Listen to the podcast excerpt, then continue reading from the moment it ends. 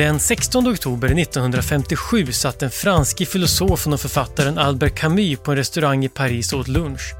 Då kom det in en ung man som han inte kände och berättade för honom att Camus hade fått Nobelpriset i litteratur. Hans reaktion blev som man kan förvänta sig av en existentialist, det vill säga han fick ångest. Nobelpriset uppfattade han som ett pris för ett livsverk och som 44-åring hoppades han att hans livsverk inte var fullbordat. Det bästa kanske inte hade hänt än. Sorgligt nog visade det sig att hans livsverk nästan var avslutat. Redan tre år senare avled Camus i en bilolycka. Men det han lämnade efter sig var en rad böcker som har kommit bli klassiker och störst av dem är kanske den roman som är dagens ämne, Pesten. Du lyssnar på Idéer som förändrar världen, en poddserie från Nobelprismuseet där jag, Gustav Källstrand, vill försöka förstå mer av de idéer och upptäckter som ligger bakom olika Nobelpris. När covid-19-pandemin bröt ut var det många som gick till kulturen för att få perspektiv och försöka förstå vad som pågick. Filmen Contagion åkte upp på första plats på streamingtjänsterna och folk läste eller läste om böcker som Hanne Vibeke Holsts influensa-tegelsten som pesten eller Connie Willis tidsreseskräckes Doomsday Book. Mobilspelet Plague Inc och brädspelet Pandemic uppmärksammades och fick nya försäljningstoppar. Men överst på alla listor låg nästan alltid samma bok, Pesten. Boken om hur pesten kommer till staden Oran från 1947 verkar säga något djupt om hur vi hanterar kriser.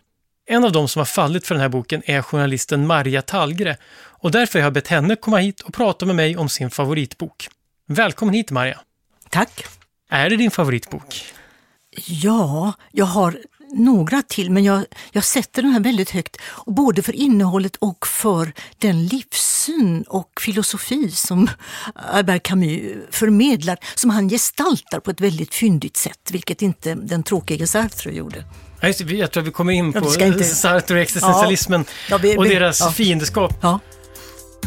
Maria Tallgre är kulturjournalist och författare. Hon har suttit med i Augustprisjuryn och hon ledde under flera år klassikerrummet i P1. Hennes bok Leo är också något av en klassiker som handlar om hennes far som var motståndsman i Estland under andra världskriget.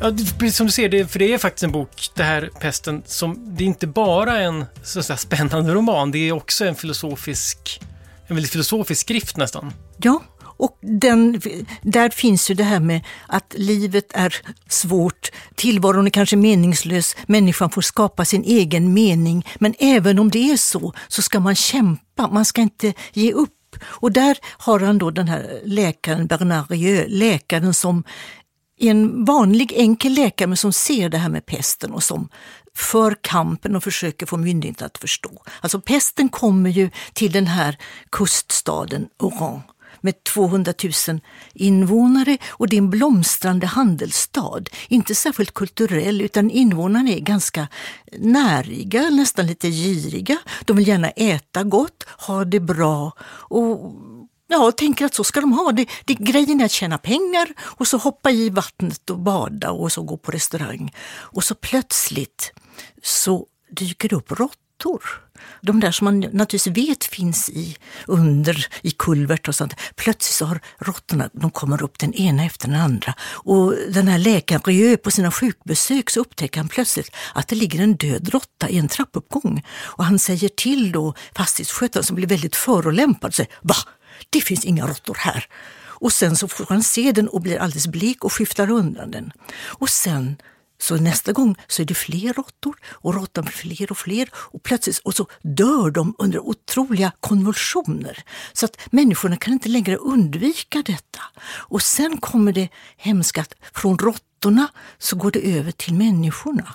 Och det är det som den här doktorn Rieu ser. Så att han ser ju hur staden förvandlas till att människor blir mer och mer förskräckta och han försöker tala med myndigheterna. De försöker bara skyffla under mattan ungefär. Det finns ingen, ingen sjukdom här, allt är väl. Men det blir naturligtvis värre och värre och så är det väldigt bra skildrat hur, ja, hur vanliga människor, hur de blir mer och mer rädda. Först förnekelsen och sen när de förstår det och hur en del försöker fly, en del tänker nej det händer inte mig och hur de stänger in sig och sen så rusar de ut och lever om för de står inte ut längre. Alltså, så det är nästan, det är också en kollektiv roman tycker jag, för att det, det är ett porträtt av en stad och av en sjukdom och av flera gestalter i centrum kring den här läkaren som väl är, kan man väl säga, han och en man som heter Tarot som väl är Camus vad ska vi säga, alter egon eller ideal som då står för en hög moral och en oegennyttig kamp för mänskligheten.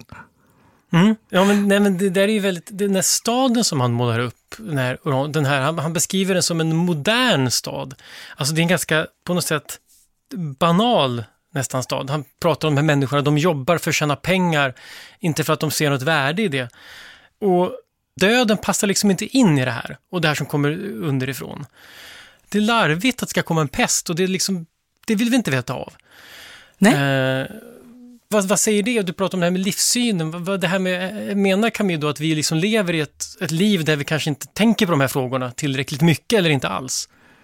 Jag tror inte att han, han har ju ingenting av präst över sig eller så, utan det är snarare ju, det kan vi se också i boken, hur det finns en lång dialog mellan den här läkaren Rieu och fader Pantelou, som båda då kämpar sen så att säga för människorna med pesten, men de har ju helt olika ståndpunkter. Mm. Rieu livet är som det är. Han har en ganska pessimistisk livssyn. Det hade ju Camus också på mm. grund av bland annat sin svåra sjukdom. Han hade ju tbc och, och ju äldre han blev desto mer, och så var det ju krig också så han såg ju mycket elände. Jag tänkte vi kan ta, ta lite grann av det också bara, för den här boken skrevs, eller den kom ut 1947, ja. men den skrevs under kriget till stora delar. Ja, den skrevs väl efter upplevelsen, men, men det, man kan också säga att han hade ju tidigt, alltså redan på 30-talet, hade han fått en idé om att skriva om pesten. Mm att just om pest, så han gjorde en väldigt noggrann research på alltså pesten, hur den yttrar sig och sådär. Det, det, det märks ju också i boken att det är väldigt, väldigt konkret. Så det är ju mm. inte, det är inte filosofiska tankar som svämmar över, och så där, utan det är väldigt koncist med varje böld och varje sån där ångestskrik och sånt där. Det är ju verkligen beskrivet så att man ryser. Det finns ju scener där som ingen glömmer, som till exempel ett barn som dör. Det är tre sidor lång sån här dödskamp som gör att man bara ryser.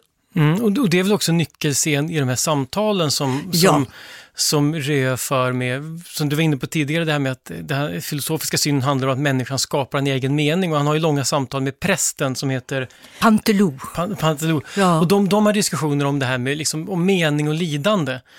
Och där ser ju det, det här barnet blir ju någon sorts symbol för honom. Precis, och han säger väl att jag kan inte acceptera en skapelse där barn torteras. Och Pantelou blir ju ganska ledsen över detta för att han säger, men måste man inte också älska lidandet och sådär. Då ryter den här Rieu som är ganska stillsam och fridsam, då ryter han verkligen till när det gäller det här. Mm. Där finns det väl nästan någonting, om man tänker att det är filosofiskt också, någonting kantianskt, att det här prästen bryter mot det här eh, Kants eh, mening om att en människa aldrig får vara medel utan måste bara vara ett mål. För att om ett barn lider för att vara andra till varnagel så att säga så är det bakvänt enligt Rös syn och Camus antar jag. Ja. Det där finns ju något väldigt intressant med det här med meningen, hur man skapar mening och att just, jag var, in, var inne på det med att den här staden som är modern från början, där människornas liv också är lite meningslöst. Det finns inte, det är inte så att de har ett högre syfte som omkullkastas av pesten och att de är liksom ädla från början och så blir de oädla av pesten, utan de, det finns liksom ingenting ädelt någonstans förutom det man skapar själv. Nej men och de är, jag menar människor, de verkar ju väldigt nöjda med att inte ha någon högre mening med sitt liv. Om det finns en passion där så är det ju att arbeta och sträva för att tjäna mer pengar mm. och sen på helgen så går man på restaurang eller går och dansar och det är jättekul och sen på söndag så går man i gudstjänsten och ger sin tribut till religionen, inte mer. Mm. Det är inte så att man är våldsamt from. Och sen går man och simmar i Medelhavet, vilket man tycker är underbart. Just det, och det kan man väl hålla med om. Men, men det är inte så att Camille, han dömer ju inte de här människorna för det. Han är ju, eller, eller Rieu, eller, eller vem, vilken röst det nu är som talar, men han dömer ju inte dem för det. Tvärtom, att det är så får man ha det om man vill. han snarare då dömer den här prästen som på något sätt antyder att den här prästen skulle föra något gott med sig. Ja, han låter också prästen dö på slutet. det är nog ingen slump. Nej, det är, det är hårt. Våren 1940 ockuperades Frankrike av Nazityskland och omedelbart startade en motståndsrörelse som har blivit legendarisk. Grupper av såväl nationalister som kommunister samarbetade för att sabotera och undergräva den tyska ockupationsmakten. Camus befann sig i Paris och försökte först fly staden men bestämde sig sedan för att stanna kvar och arbeta aktivt i motståndet och blev bland annat redaktör för rörelsens tidning Combat. Du var inne på att den, var, att den är väl researchad, så att säga, boken. Och den är ju också, men den ses ju oftast, eftersom den kom så tätt in på andra världskriget och eftersom Camus var aktiv i motståndsrörelsen, mm. som, så ses det också som en allegori för alltså nazismen och ockupationen, att pesten är liksom nazismen. Mm. Kan det också vara en läsning av boken där vi som läsare, eller eftervärlden som läser boken, inte heller vill tänka på pesten på riktigt som en sjukdom, utan man ser hellre då människans ondska än att se att det faktiskt finns en pest. Ja, ja, det kan jag mycket väl tänka mig. Och jag menar, Camus själv, han gick ju med på att den kunde läsas som just som den nazistiska ockupationen och tillvaron där. Men inte bara, utan det var ju mycket mer han ville få sagt. Och jag kan tänka mig också att det är klart att det inte är roligt att läsa om en pest och liksom mm. sådana hemska bölder som skärs upp och så. Utan man känner sig lite tjusigare och lite mer uppbyggd om man det också finns någon tanke med det så att man tänker att nu förstår jag livets mening eller nu vet jag hur jag ska leva mitt liv bättre. Och li lite tycker jag att jag får det av, av Camus, av den här boken. Ja, verkligen. Men, men det får man ju inte. Man måste ju inte få mening bara gentemot nazismen. Nej, man kan nej. få mening, och det är väl snarare tvärtom så att jag tänker ett viktigt tema i Camus filosofiska skrifter, inte minst den här myten om Sisyfos, handlar om det absurda. Och det är viktigt mm. också i Människans revolt som kommer senare, men det absurda, att döden är det absurda som vi inte liksom kan ta till oss. Det är lättare att förstå på ett konstigt sätt så känns det den sorts ädlare, att för nazismen kan vi kämpa emot. Mm blir ond. Kan man säga så? Finns det någon ondska i pesten? Ja, alltså Rieu kan ju säga, säger ju det att han inte kan acceptera ondskan, att han ser att pesten yttrar sig som on, ondska. Mm. Samtidigt är det ju en sjukdom, den är ju, liksom, den är ju bara vad den är. Ja, den är vad den är. Men sen tycker jag inte man ska glömma att Camus var ju påverkad både av, av två strömningar, både existentialismen men också av absurdismen. Mm. Och det märks mer än i hans tidigare roman Främlingen naturligtvis, där världen är totalt absurd. Men även här kan man ju se det här med att, att det, det är absurt när, när pesten kommer. Att det blir någon sorts kollision som är nästan teatral mellan de präktiga, strävsamma medborgarna och så denna pest som kommer. Och ganska kuslig också med mm. hur den dyker upp där med dessa råttor. Men apropå det så tänker jag på, du har väl läst Pesten ett antal gånger. Eh, hur var det att läsa den under en, när det faktiskt finns en pandemi som pågår? Ja, det var väldigt spännande för jag har ju läst den flera gånger. Jag har gjort radioprogram under mitt yrkesliv mm. flera gånger om om den därför att den är så fascinerande. Och nu plötsligt så blev det nästan så att det kröp lite kusligt nära för att då tänkte jag på att det var så mycket som, som stämde. Man kände igen det här med hur det upptäcks, hur det först kommer som ett rykte. Alltså råttor hade vi ju inte, men, mm. men just det här med kommer covid och, och sen också hur människor först inte vill låtsas om det och sen också hur myndigheterna liksom försöker hålla det nere till varje pris, ingen panik. Mm. Och sen hur man sen börjar hålla, föra statistik och sånt. Och till och med det här med munskydd som man ju håller på att prata om så mycket nu. Till och med det är med där och det, det är en besökande journalist som vill träffa läkaren och så kommer läkarens medarbetare och tar fram ur ett skåp ett steriliserad sån här gasväv då som man ska ha för sig. Och då säger, frågar journalisten, eh, hjälper det här? Nej, men det ger trygghet. Ja. Inger förtroende. Tror Inger förtroende, ja. Men när man läser den under en pandemi så är det svårt att läsa den först och främst som en allegori över nazismen, utan nu läser man ju förstås ja. som en sjukdomsskildring. Ja, alltså då, då känns ju väldigt mycket pandemi och också mm. tycker jag Alltså man tar lärdomar, det är nästan det här med människors psyke, alltså hur man påverkas och vad man gör och också det här med hur människorna genomgår olika stadier. Först rädsla, man, ingen syns på gatorna och sen när man plötsligt inte orkar stå ut längre och folk går ut i alla fall. Mm. Så det, det, är lite roligt också att läsa den som dagsaktuell utan att den är det, utan den är mycket, mycket mer, den är mycket djupare än så. Det är väl därför jag tycker den är så bra. Det är väl också därför den kanske är en klassiker, om man ser, därför att den är så evig. De här frågorna är ju liksom, frågan om döden och frihet inför döden är ju förstås ja. För det blev en klassiker snabbt. Det ja, blev...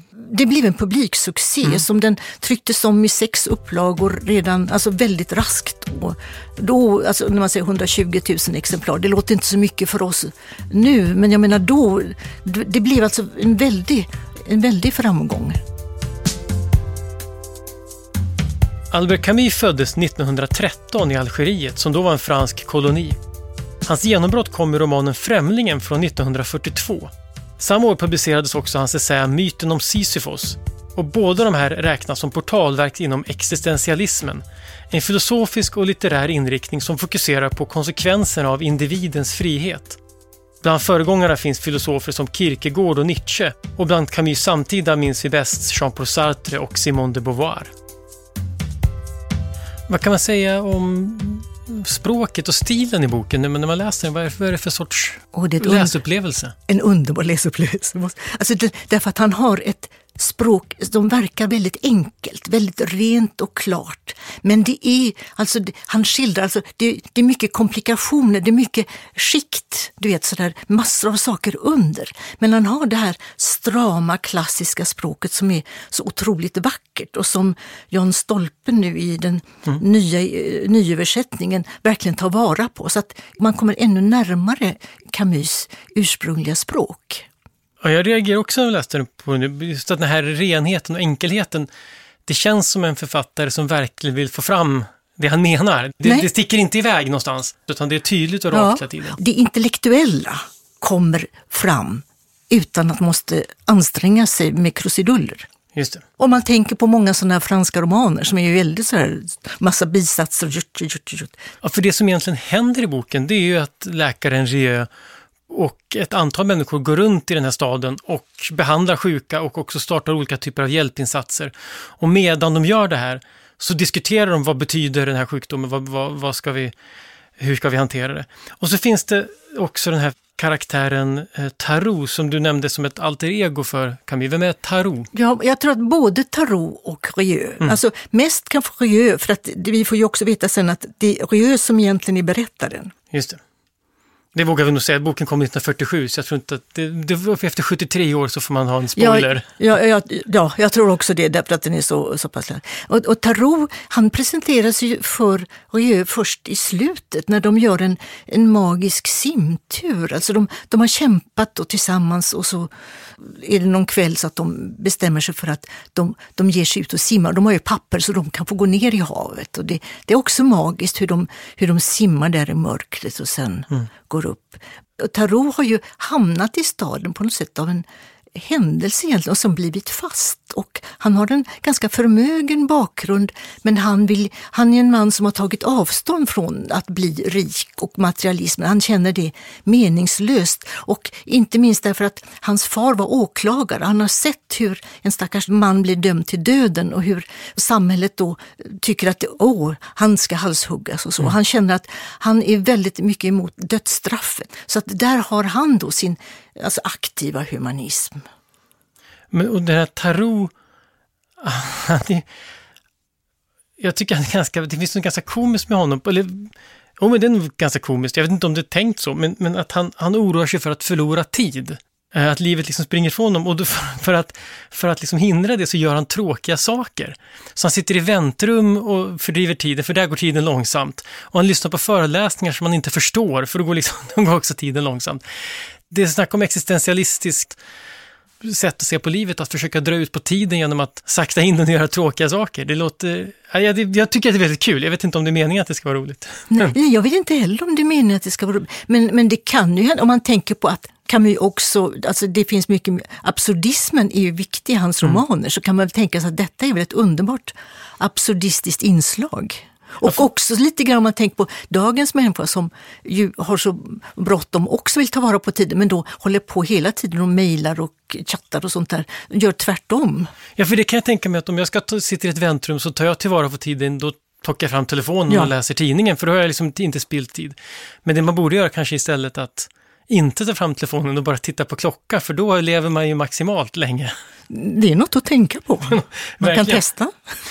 ja, ja, Eh, alltså om, om, om ni lyssnar på det här, stäng av och sitt i tystnad. Och så får ni se vilket som känns när tiden går långsamt eller fort.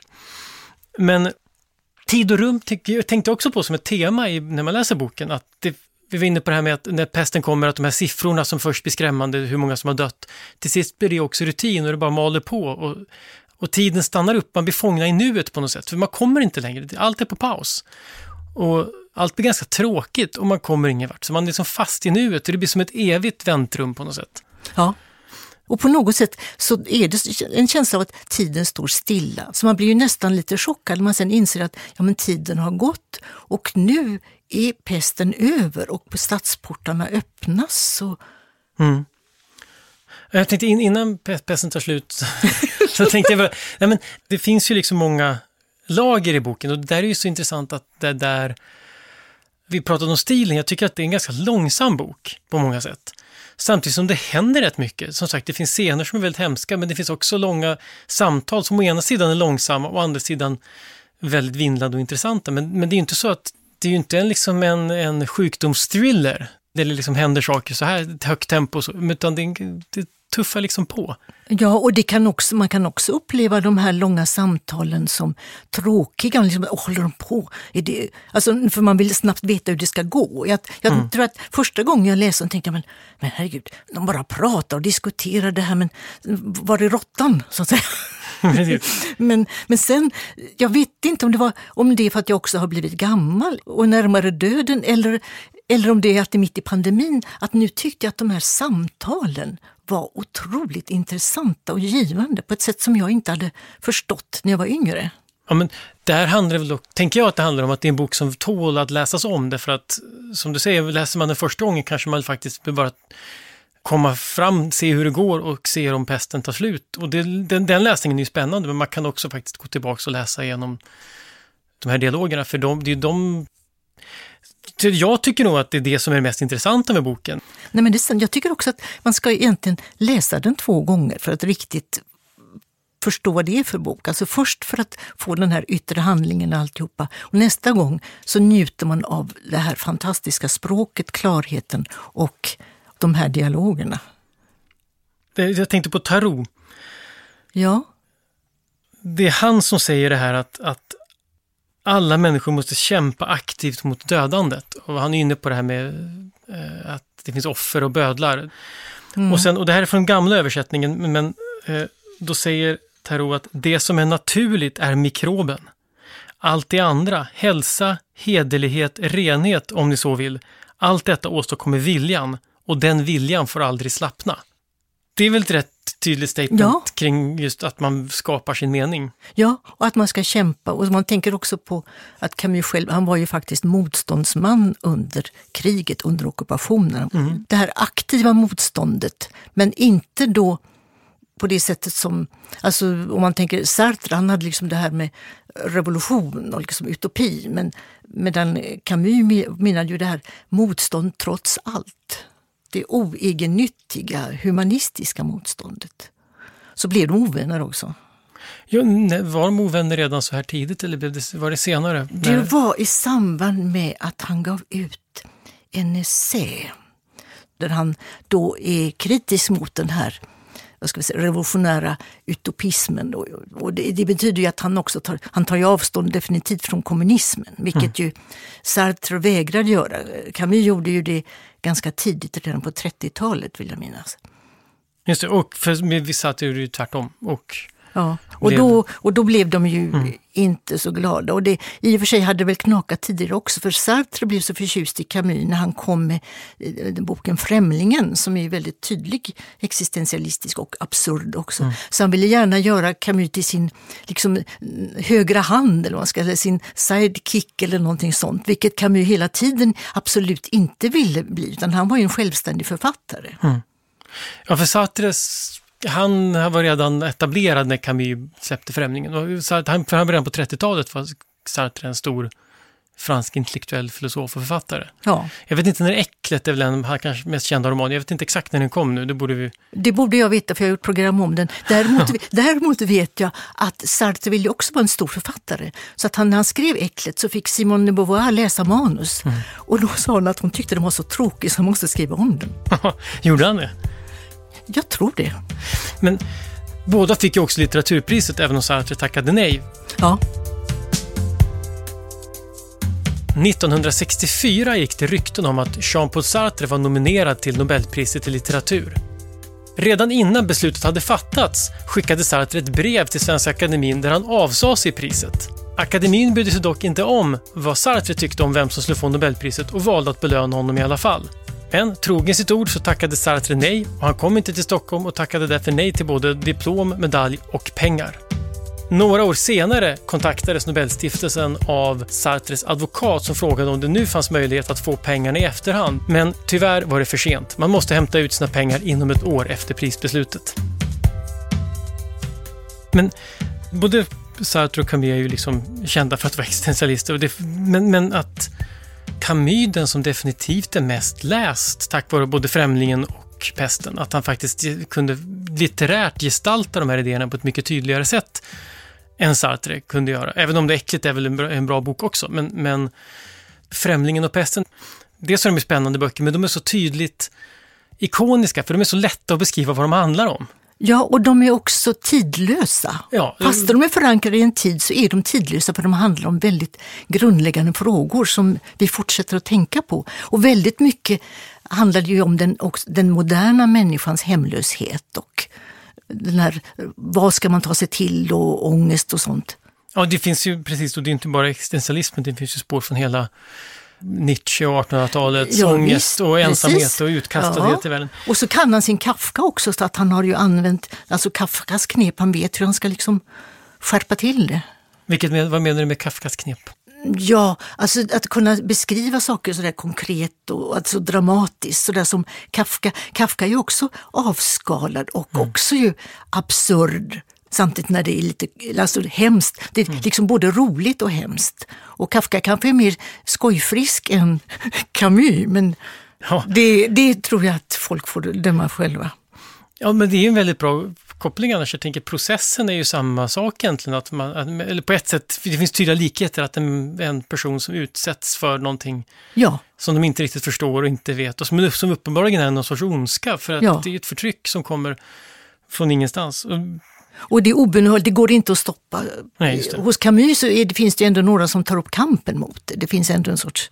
Ja, och där finns det också en annan sån karaktär som också kanske har koppling till eh, Camus själv, den här journalisten som heter Rambert som också har hamnat i staden, som inte bor där. Och han har ja. någon kärlek som finns utanför staden och han vill hela tiden fly. Ja. Alltså, Rambert är ju då åtskild från sin eh, älskade och mm. lider av det. Och Rieu, hans fru har ju åkt iväg för att Mm. Alltså i boken för att då vårda sin sjukdom och hon, hon dör. Alltså det blir ju, han, han är också avskild. Men i verkligheten så Camus själv, han bodde ju i Oran tillsammans med sin andra fru Francine och men de åkte upp i bergen till några avlägsna släktingar till henne för att han hade tbc så att han behövde vårda sina lungor.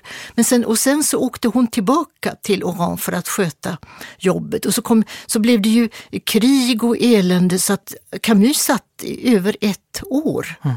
i, i den här bergsbyn som var en plats som var främmande för honom egentligen. Och det är ju där, där kan man ju se, det är som att han skildrar då Rambert som också hamnar på ett ställe, en för honom främmande plats.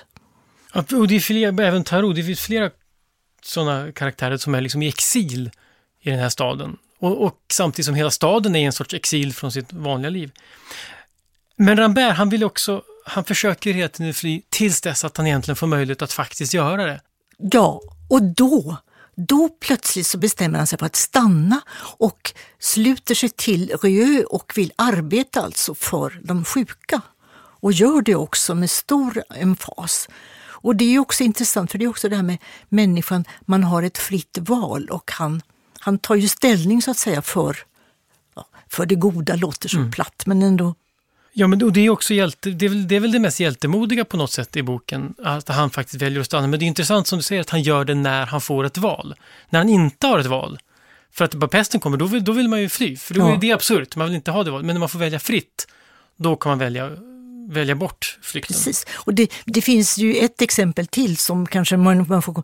Den, det finns en domare som heter Octon som är väldigt strikt och sådär och som hans, hans barn dör ju på ett väldigt plågsamt sätt. Och sen så han hamnar i karantän och, det, och sen när han blir utsläppt därifrån, så istället för att liksom då vara lugn och glad, då vill han återvända och arbeta just med de där som är instängda och arbeta med de som är drabbade. För han tycker att det är det som ger hans liv mening.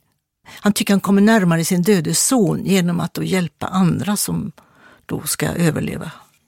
Just det, precis, och det är hans barn som dör i den här scenen när, när de diskuterar Guds existens. Ja. Där jag säger det här att det spelar ingen roll egentligen om... Det är för min sammanfattning, det spelar ingen roll om Gud finns för att en Gud som låter barn torteras till döds har liksom ingen, finns ingen poäng att, att lyssna på eller att ty sig Nej, till. Exakt, och det, det Rieu uttrycker det väl också så att om, om Gud fanns, då skulle inte jag arbeta. Alltså underförstått, då skulle Gud fixa det här med pesten, men nu måste jag faktiskt jobba här. Och det betyder att Gud inte gör sin plikt. Just det, precis. Där är han ju rätt hård. Ja. Det finns någon, jag tänker att det finns en, i den här moralen finns också en ganska intressant dubbelhet, att de som gör en insats i den här staden, de riskerar livet för att göra det. Men Samtidigt finns det moralister och prästen svänger, han gör ju ändå det rätta fast han kanske tycker att man skulle kunna göra på ett annat sätt. Men det finns liksom, han beskriver ändå att det finns moralister i stan som väljer att inte kämpa. Att de som kanske tycker att de är mest moraliskt högtstående snarare då går till kyrkan och knäfaller och hoppas på det bästa. Mm. Men de blir ju färre och färre. Ju längre prästen fortskrider, desto färre kommer mm. till kyrkorna därför att eh, människor håller sig undan. Och sen till sist går de ju hellre på krogen än till kyrkan. Mm. Alltså jag vet att prästen då samlade ju väldigt mycket folk mm. i sina blommande predikningar. Mm. Men sen när han sammankallar till en predikan mot slutet där, då är det ganska glest i kyrkbänkarna. Kan man koppla det till det här med mening också? Att, att först när pesten kommer, det här är människor som är moderna och tänker på att gå och bada. Man har inte ägnat det här en tanke, då går man till det som finns till hands och då vet man det är väl kyrkan vi går till då. Och sen efterhand så inser man att det här ger inga, det här, här skapas det ingen mening. Och då väljer man att istället då skapa den meningen genom att hjälpa varandra istället, för det ser man ett större värde i efter ett tag när man lär sig. Det är ju en, det är en vacker tanke som du har där. Men det Camus skriver om är också att människor tappar lite grann tron på kyrkan och då börjar de tro på alla möjliga vidskepligheter. Alltså lite mambo jumbo, lite mm. New age fast på den tiden. Då, så att de, det grävs fram sådana olika magiska formler och annat i gamla arkiv och tryckarna passar på att trycka upp det. Så det mm. blir mycket, mycket sånt där. Det tänker jag också på som att det är samma, alltså det är också ett kanske lite elakt sätt att likställa de sakerna med varandra. Att man testar de olika vidskepelserna som finns och först tar man kyrkan som den största vidskepelsen och den som ligger närmast i hands. Och sen så går man vidare till de andra vidskepelserna. Men, men att man ändå då samtidigt faktiskt, för, för det är ju som Panelo, det är inte så att kan vi ha någonting emot att han tror på Gud om man också hjälper människor. Problemet är om tron får en att sluta hjälpa. Det är ja. det han vänder sig emot. Ja, det är sant. Just det, jag tänker på Cotard som är han här misslyckade självmördaren. Han ska ta livet av sig i början. Ja. Och självmordet är viktigt för Camus. Alltså, han skriver i en Myten om Sisyfos börjar med att, att den viktigaste filosofiska frågan är frågan om självmordet. Det var dumt av Galileo att riskera livet för frågan om jorden eh, snurrar runt solen eller tvärtom. Det självmordet är det man ska tänka på. Ja, men, ja, men, men frågan, det, frågan om ja, man ska leva eller dö, det ja, är det viktiga. Ja, men och då ska vi komma ihåg också att han, med den myten, att den, den lät han ju bli att publicera, var det inte så? Den här, mm. alltså den, den, han skrev den tidigt och lät bli att publicera just menar då somliga, just därför att han behandlar självmordet att det kanske inte var Nej, men det är ju ett ganska drastisk frågeställning att ta, dra det till den spetsen, men det är ju ändå där, existentialismen hamnar ju ändå där till sist, att livet handlar om att hitta den meningen som gör att det är meningsfullt att leva. Om man inte hittar någon mening, varför ska man inte börja göra slut på livet? Och det finns något hoppfullt i att man faktiskt, de flesta människor gör ju ändå det. Man hittar ja. ju på något sätt något att leva. Ja, och det är ett aktivt mm. val och det kräver också en aktiv handling för att ge sitt liv mening. Man kan liksom inte sitta och meditera och så hoppas att meningen ska komma. Det är ju aktiviteten som Camus förespråkar.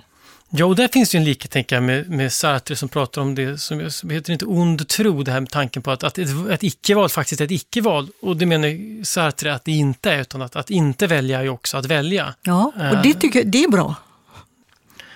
Uh, en annan karaktär som är också är komisk, det är den här, han heter Gran, han är en tjänsteman och en statistiker. Han samlar ihop statistik om pesten och annat. Och han känner sig förfördelad på jobbet, han, han, han har ett svårt liv och är inte helt nöjd. Och han pratar också om att han blivit lovad en befordran och så får han, han liksom får kräva tillbaka varje gång. Men han beskriver att han själv saknar orden för att klaga. Och han vill också bli författare, den man som saknar orden. Ja. Och han ägnar stora delar av boken åt att han ska skriva, det är första meningen han ska skriva i boken. Ja. Om en kvinna som rider i Bologneskogen. Ja, som rider in i Bologneskogen. Ja, det är någonting också, det är sånt där blomsterspråk. och så håller han på med den här meningen och så vill han också att Rieu ska titta på den och Tarot ska titta på den. Och så skriver han om den och så till, och så till sist stryker han ner den så det är bara ett par ord. Ja, och han kommer ingen vart och han, han har ingen plan på att ska gå vidare och skriva resten av boken och sen gå tillbaks, utan det är liksom den här meningen som han måste. Ja, men han ger inte upp. Nej, för det här är ju en människa som har hittat meningen i livet på något sätt. Han kämpar ju med det här aktivt. Ja. Men någonting som är helt meningslöst för alla andra, för den här meningen är ju ingenting. Det är ju inte lika ädel mening som att hitta meningen i att hjälpa andra mot pesten, men det är ändå en mening för honom.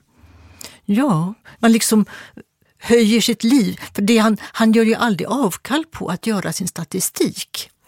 Han, han, han gör ju sin plikt oerhört plikttroget och sen på sina små lediga stunder så håller han på med den här meningen och ger inte upp. Och det, därför att det ger honom glädje. Mm. Och jag tror att det är kanske det som kan vi vill visa, liksom att han, han får glädje av just detta som kan verka absurt för oss andra. Men det hjälper honom för att allt annat har ju liksom fallit. Hans käresta dog och han får ingen befordran och han är väldigt ensam.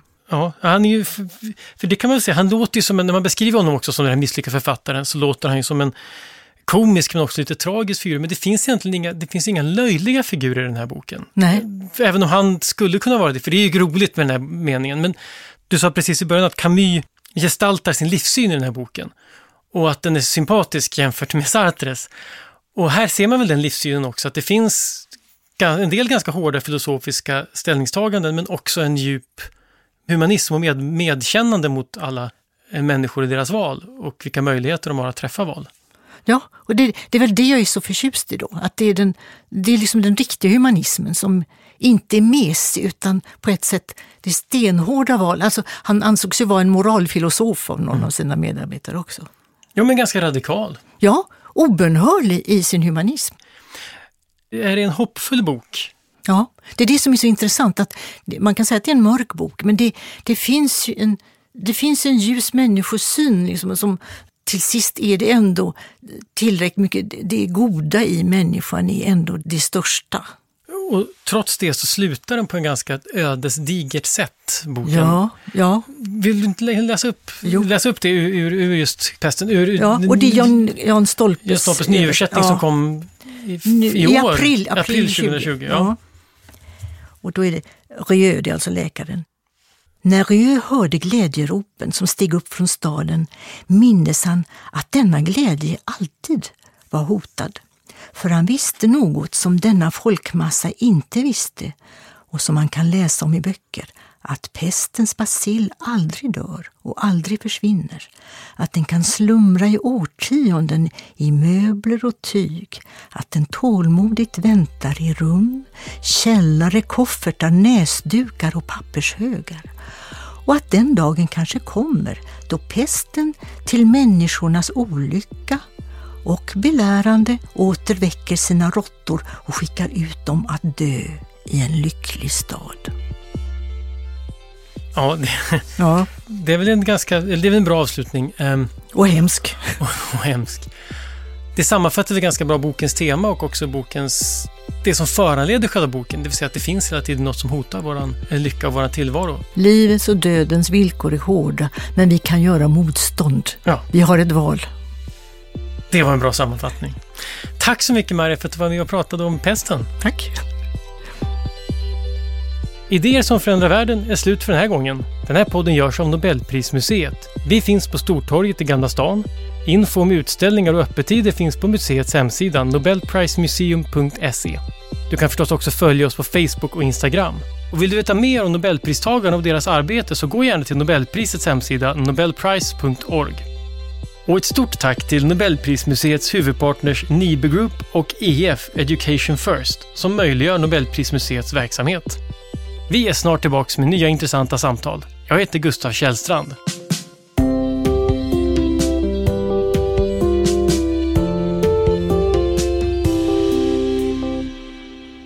Idéer som förändrar världen produceras av Filt Hinterland för Nobel Prize Museum